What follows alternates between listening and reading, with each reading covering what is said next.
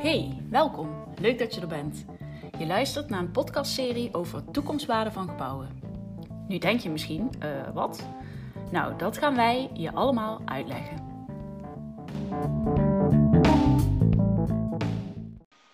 In deze aflevering hebben we het over circulair bouwen. Hiervoor ga ik, Karen Nuij van de Bouwcampus, in gesprek met Peter van der Mars van de Metaalunie en Ralf Odeber van Heijmans. Peter, op welke manier ben jij betrokken bij het onderwerp circulair bouwen? In mijn uh, werk als beleidssecretaris uh, uh, bij de Koninklijke Metaalunie ben ik verantwoordelijk voor het thema duurzaamheid. En ik ben betrokken geweest bij het opstellen van de transitieagenda circulaire bouweconomie. Wat is eigenlijk de relatie tussen circulair bouwen en bouwen met toekomstwaarde? Heel kort gezegd, Bouwen met toekomstwaarde is de hoogste vorm van circulair bouwen. Zo, die stelling staat. Maar circulariteit gaat toch over grondstoffen, uh, heb ik altijd begrepen. Of beter gezegd, het voorkomen dat grondstoffen uitgeput raken. Dat klopt. Bij circulair bouwen ligt de focus dan ook meestal op de in bestaande bouwwerken aanwezige materialen en grondstofvoorraden. En een streven om hernieuwbare grondstoffen in te zetten. Ja, precies. Dus uh, daarom zijn ook gebouwpaspoorten en bouwen met hout en zo zo populair. Dat is inderdaad een tendens. Begrijpelijk, maar naar mijn idee veel minder effectief dan andere maatregelen. Leg eens uit. Alle inspanningen om grondstoffen uit een bestaand gebouw te winnen, zoals zand, grind en cement uit beton bijvoorbeeld, kosten erg veel energie en leveren daarmee weer een grote milieulast op. Een ander voorbeeld is het hergebruik van een stalen kozijn uit een gebouw van de jaren 50 van de vorige eeuw. Omdat die kozijnen geen HR triple glas past, worden ze omgesmolten en wordt het glas gerecycled. Dat zijn allemaal energieslurpende activiteiten. Dat begrijp ik. En volgens jou kan het uh, dus anders? Zeker. We hebben het hier eigenlijk over het gebruik van grondstoffen en producten uit een lagere toepassing, zoals het storten van puin als fundering onder wegen en over het recyclen op hetzelfde niveau. In de algemene theorieën over circulariteit, waarbij er verschillende niveaus van circulariteit worden onderscheiden, worden dit als de twee laagste niveaus gezien. Naar mijn idee begint het bij de derde stap pas een beetje interessant te worden. Dat is hergebruik van een bouwproduct met dezelfde functie in een nieuwe toepassing in een bouwwerk. Daar liggen vaak juridische belemmeringen en aansprakelijkheidskwesties op de loer, maar in potentie is hier veel te bereiken.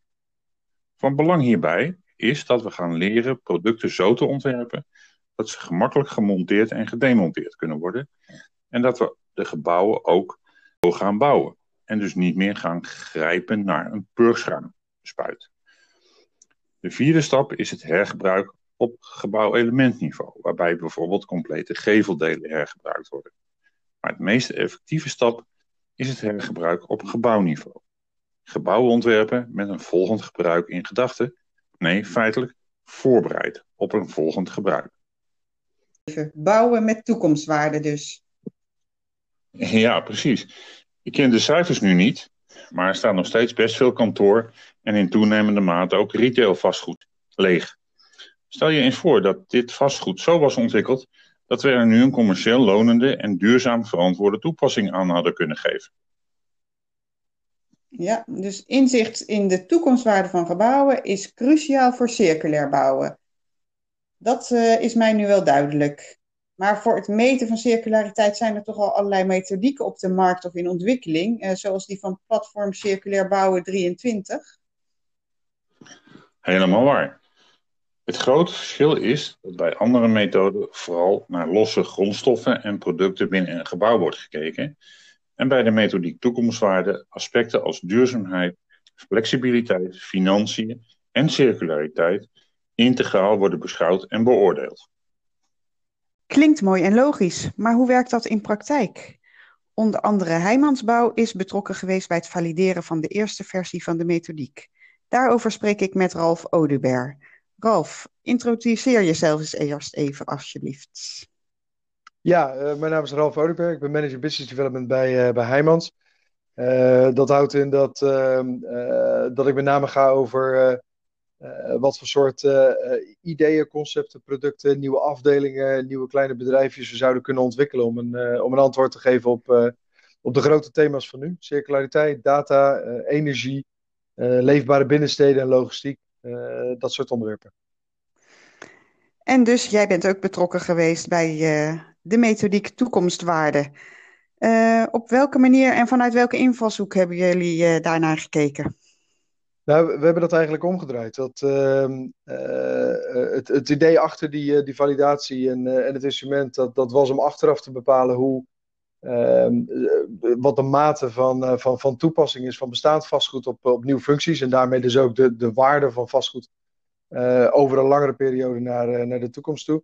En ons idee daarachter was eigenlijk, als je, als je, als je achteraf kan bepalen Ehm, eh, wat de flexibiliteit of de mate van, van geschiktheid van vastgoed is voor verschillende functies, kan je diezelfde parameters natuurlijk ook gebruiken aan de voorkant als je opnieuw of hernieuwd iets, uh, iets moet neerzetten.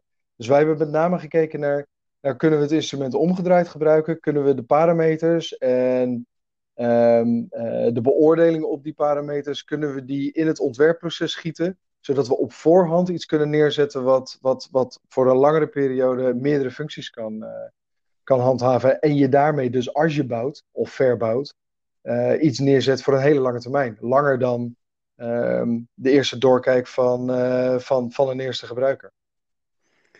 En hoe werkt het dan voor een partij als Heijmans? Gaan, willen, willen jullie daar dan mee omgaan? Nou ja, eigenlijk zou dat de standaard moeten worden natuurlijk. Hè? Want het, het, het, het idee uh, achter, uh, achter circulariteit is, is naar onze beleving uh, dat je dingen vooral niet doet. Dus dat datgene wat er is, zo lang mogelijk mee kan gaan. nou ligt er natuurlijk al langere tijd een, behoorlijke nadruk op, op, op de vertaling van circulariteit naar het gebruik van ehm, duurzame grondstoffen, materialen of het tweede gebruik daarvan. Uh, maar ik denk dat een van de meest waardevolle manieren om ernaar te kijken is om, is om het, uh, het, het meest waardehebbende product uit een productieketen, en in de bouw is dat het totale gebouw, om dat zo lang mogelijk in gebruik te houden. Dus het idee bij hij was dus wel dat we, um, uh, als we iets maken, laten we het dan zo maken um, dat het niet alleen duurzaam gemaakt wordt, maar ook een duurzame, um, soort van een, een naar de toekomst toe bestendige levensduur heeft. Dus niet alleen, mhm. maar, um, niet alleen maar kijken naar de technische levensduur en de duurzaamheid van, uh, uh, van, van, van, van, van hoe iets geproduceerd is, maar vooral ook naar economische levensduur. En uh, passen jullie dat al een beetje toe in de praktijk dan nu? Ja, deels. Het, het, ik, ik moet heel eerlijk zeggen dat het, het valt mij um, tegen. Um, hoe groot de vraag is naar, naar circulaire gebouwen. En, en dat zeg ik niet met een wijzende vinger, maar ik denk dat je, dat je best wel de parallel kan trekken met, uh, met, met het grote thema energie en de energietransitie. En we praten er met elkaar als, als markt, hè, alle facetten van de markt, al heel erg lang over. Um, je ziet ook wel heel veel initiatieven, um, uh, vaak, vaak eerder in het kleinschalige. maar het duurt gewoon even voordat je, voordat je grootschalig en heel breed um, ook de vraag naar, naar dit soort producten ziet, ziet ontstaan. Bij energie hebben we daar lang op moeten wachten. En dat is inmiddels in gang, maar dat, dat zou ook wel groter en sneller mogen. En ik denk bij circulariteit zien we daar hetzelfde. We, zien het mondjesmaat. Um, uh, we zien ook veel partijen zoeken, uh, maar het mag echt wel sneller. En heb je dan ook een idee? Wat, wat zou voor jou die volgende stap moeten of kunnen zijn? Hoe kunnen we dit vorm, vormgeven voor elkaar krijgen met elkaar? Ja, ik, denk dat een van de belangrijkste aspecten hierin is uh, dat, uh, dat je op een andere manier kijkt naar datgene wat je in je vastgoedvoorraad hebt, dan wel gaat toevoegen. Ehm, de tendens is natuurlijk om te kijken naar, naar, naar een x aantal jaren gebruik keer huur. Um, uh, en als het een beetje tegen zit, dan, dan, dan houdt zo'n outlook wel op na tien jaar. Hè. En dan moet ik erbij zeggen dat ik, ik, ik ben geen asset manager of vastgoedmanager. Maar mijn gevoel zegt me wel dat, we, dat het heel moeilijk is. Um, zowel in gebruik Ehm, dus dus in, in de functie van wat een gebouw zou moeten doen voor een langere periode voor één organisatie, maar dat het heel moeilijk is voor een gebruiksorganisatie om langer dan een x aantal jaren uh, te kijken naar wat, wat men met een pand wil. Maar dat het ook voor de vastgoedketen uh, best wel heel erg lastig is um, om iets te taxeren op een tweede, derde, vierde, vijfde gebruik en dat nu alvast in te prijzen in datgene wat je uit mag geven aan vastgoed.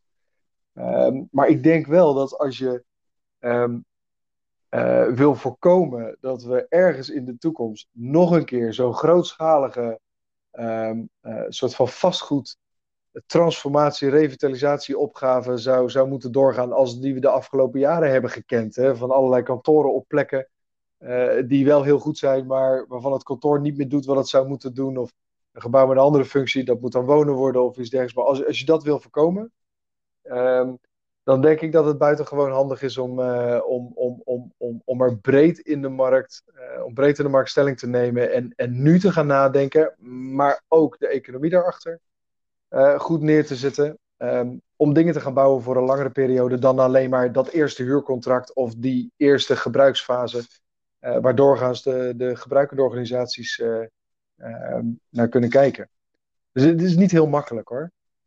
Nee, dat is best een, ja, inderdaad een, een heel, hele transitie met, met heel veel partijen die daarbij betrokken zijn ja. en, en anders met elkaar moeten gaan samenwerken. Ja. ja, en als, als je nou even dat probeert te zetten van, goh, wat is dan eigenlijk de eerste kleine concrete stap die we zouden moeten zetten? Wat is die aanbeveling van jou om daarmee af te sluiten? Als je nu een bouw. Ik denk dat dat toekomstbeeld echt er heel mooi neergezet is, van dat we ja. daar naartoe willen. En, en, wat, ja. en maar wat, wat kunnen we nu met elkaar als eerste stap zetten? Ja, twee dingen. Want ik wil het toekomstbeeld ook nog wel even terugkomen. Dat, dat ligt dichterbij dan, uh, dan, dan dat je denkt. Hoor. Dus ik, ik heb er zo nog wel een kort voorbeeld voor. Maar um, uh, het makkelijkste wat je nu kan doen is dat als je wat te bouwen hebt uh, of te verbouwen hebt, je gaat dat doen. Um, in die ontwerpfase, uh, in de fase waarin je definieert wat dat gebouw voor je zou moeten doen, begin met een paar scenario's. Dus, dus doe het vooral op de manier zoals je dat altijd gewend bent, omdat we, omdat we dat met elkaar prettig vinden en dat herkennen. Maar um, plicht jezelf ertoe als uitvrager, maar ook als aanbieder om er een paar scenario's bij te zetten met de kennis die je hebt over, over langere gebruikstermijnen. Uh, waarbij je keurig netjes in technische zin in dat ontwerp wegzet. Joh, luister, als we daar en daar en daar een paar centimeter dit hoger of, of daar wat ruimer of kiezen voor uh, die materialen in de vloer, dan kan dit pand met een klein beetje extra geld ook al wel meteen geschikt worden gemaakt voor die functie dan, die functie dan, die functie dan. Dus ik denk dat het een van de eerste dingen die je nou zou moeten doen op dat niveau, ja, dus niet in de duurzame grondstoffen, materialen. Want daar, daar, daar moet van alles en nog wat gebeuren. Uh, en dat gebeurt ook heel erg goed. Maar op macroniveau, het hergebruiken van vastgoedvoorraden, panden. Uh, elke keer als je wat hebt, gewoon een paar scenario's uitvragen of aanbieden. Uh, en er de prijzen bij zetten. En, uh, en, en hopelijk geeft dat in deze fase een aantal soort van keuzeminuutjes. voor degene die er uiteindelijk over gaat, om te zeggen, nou doe maar dan. Weet je, dat kan mij het schelen. Zoveel is het eigenlijk niet. Ja. Dus ik denk dat dat de kortste stap is misschien nog als, als voorbeeld voor ja, om te voorkomen wat, uh, um, wat we in de afgelopen jaren ook hebben gezien. Hè, dat, kijk, dit, is, dit is een van de dingen waar ik nu aan werk, uh, binnenstedelijke logistiek. Um, een van de trendy uh, onderwerpen van nu, dat, dat zijn logistieke hubs. Om, om, om vanuit de perimeter van een stad dingen een stad in te laten, aan te laten voeren. met duurzaam vervoer. Dat is supergoed. daar werken wij ook mee aan verschillende concepten met een, met een aantal partijen. Maar je voelt natuurlijk nu al wel aankomen dat als we nu gebouwen neerzetten in de perimeter rondom steden, um, die alleen maar gebruikt kunnen worden voor logistieke functies, dat over vijf, zes jaar, als die stad wat verder uitdijt, zijn hele perimeter weer aangepakt mag worden, alles gesloopt mag worden en opnieuw kan worden uitgelegd voor, weet ik het, woningbouw of andere functies. Dat soort dingen, dat soort grote um, uh, functieontwikkelingen die we nu rondom steden zien, weet je, denk daar gewoon nu over na. Dat, uh, dat voorkomt echt een hoop en, en zo moeilijk is dat niet.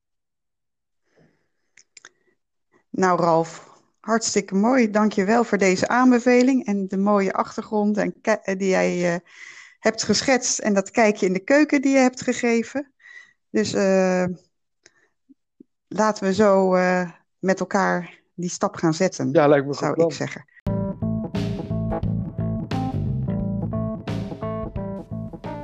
We hopen dat je na deze aflevering net zo enthousiast bent over dit thema als wij. Mocht je nou nog meer te weten willen komen over toekomstwaarde, bezoek dan zeker ook onze website toekomstwaardevastgoed.nl. Bedankt voor het luisteren en tot de volgende keer.